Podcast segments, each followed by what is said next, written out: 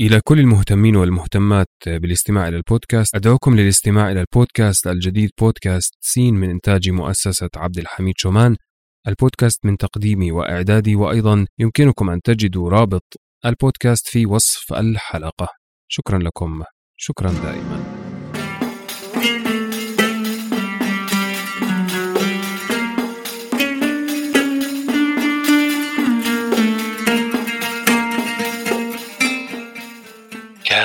مكان في قديم الزمان وسالف العصر والأوان ملك يدعى شهريار يحب الاستماع إلى قصص الإنس والجان.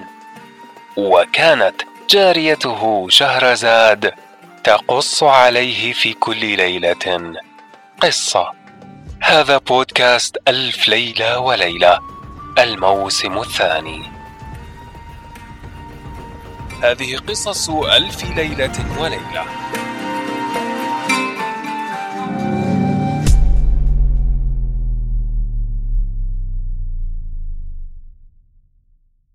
الليلة الثامنة والخمسون.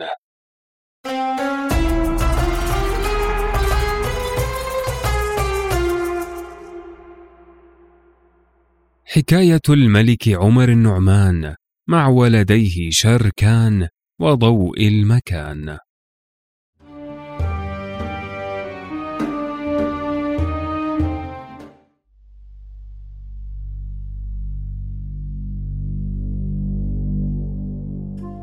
قالت بلغني أيها الملك السعيد أن التاجر لما تسلم الجارية من البدوي وضع عليها شيئا من ثيابه ومضى بها إلى منزله وألبسها أفخر الملبوس ثم أخذها ونزل بها إلى السوق وأخذ لها مصاغا ووضعه في بقجة من الأطلس ووضعها بين يديها وقال لها هذا كله من أجلك ولا أريد منك إلا إذا طلعت بك إلى السلطان والي دمشق أن تعلميه بالثمن الذي اشتريتك به وإن كان قليلا في ظفرك وإذا اشتراك مني فاذكري له ما فعلت معك واطلبي لي منه مرقوما سلطانيا بالوصية علي لأذهب به إلى والده صاحب بغداد الملك عمر النعمان لأجل أن يمنع من يأخذ مني مكسبا على القماش أو غيره من جميع ما أتجر فيه.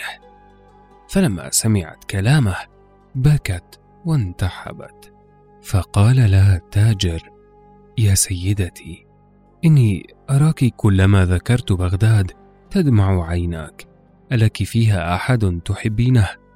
فإن كان تاجرا أو غيره فأخبريني فإني أعرف جميع من فيها من التجار وغيرهم وإن أردت رسالة أنا أوصلها إليه. فقالت والله ما لي معرفة بتجار ولا غيره وإنما لمعرفة بالملك عمر النعمان صاحب بغداد. فلما سمع التاجر كلامها ضحك وفرح فرحا شديدا وقال في نفسه والله إني وصلت إلى ما أريد. ثم قال لها هل عرضت عليه سابقا؟ فقالت لا بل تربيت أنا وابنته فكنت عزيزة عنده ولي عنده حرمة كبيرة. فإن كان غرضك أن الملك عمر النعمان يكتب لك ما تريد فأتني بدوات وقرطاس فإني أكتب لك كتابة. فإذا دخلت مدينة بغداد فسلم الكتاب من يدك إلى يد الملك عمر النعمان وقل له إن جاريتك نزهة الزمان قد طرقتها صروف الليالي والأيام حتى بيعت من مكان إلى مكان وهي تقرئك السلام. وإذا سألك عني فأخبره أني عند نائب دمشق. فتعجب التاجر من فصاحتها وازدادت عنده محبتها وقال ما أظن إلا أن الرجال لعبوا بعقلك وباعوك بالمال. فهل تحفظين القرآن? قالت نعم وأعرف الحكمة والطب ومقدمة المعرفة وشرح فصول أبقراط لجالينوس الحكيم وقرأت التذكرة وشرحت البرهان وطالعت مفردات ابن البيطار وتكلمت على القانون لابن سينا وحليت الرموز ووضعت الأشكال وتحدثت في الهندسة وأتقنت حكمة الأبدان. وقرأت كتب الشافعية وقرأت الحديث والنحو وناظرت العلماء وتكلمت في سائر العلوم وألفت في علم المنطق والبيان والحساب والجدل وأعرف الروحاني والميقات وفهمت هذه العلوم كلها. ثم قالت ائتني بدوات وقرطاس حتى أكتب لك كتابا يسليك في الأسفار ويغنيك عن مجلدات الأسفار. فلما سمع التاجر منها هذا الكلام صاح بخن بخن! فيا سعد من تكونين في قصره.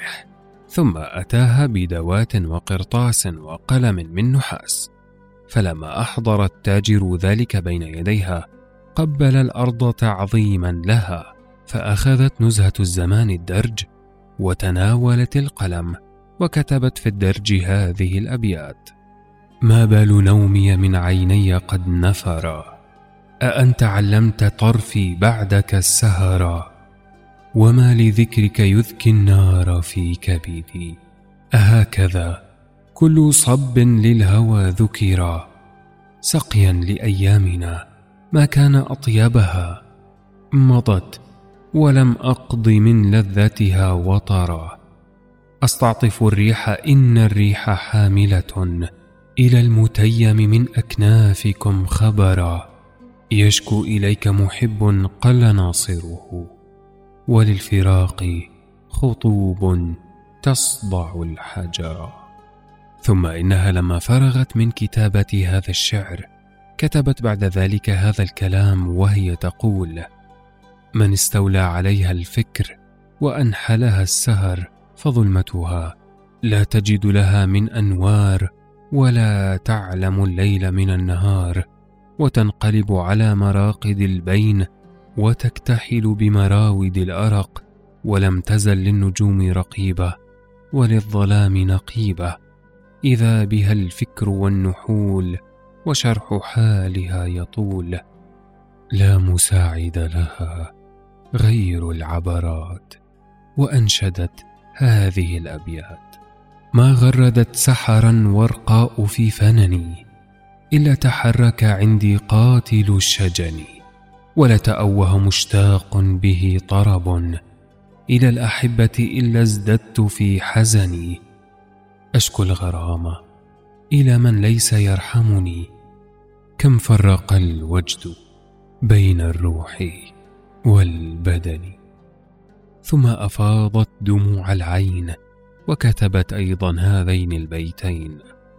أبلى الهوى أسفا يوما نوى بدني. وفرق الهجر بين الجفن والوسن. كفى بجسمي نحولا إنني دنف لولا مخاطبتي إياك لم ترني. وبعد ذلك كتبت في أسفل الدرج.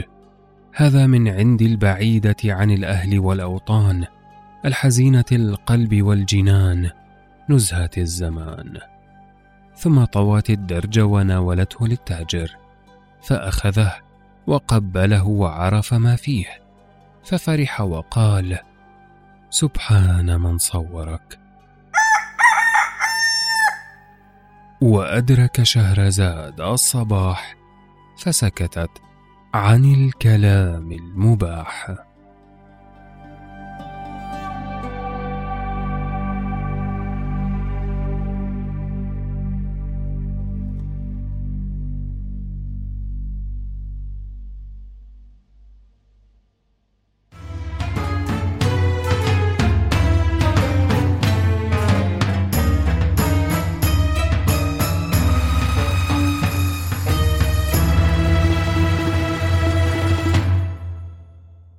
أنا نزار الحمود معكم في قراءة الليالي.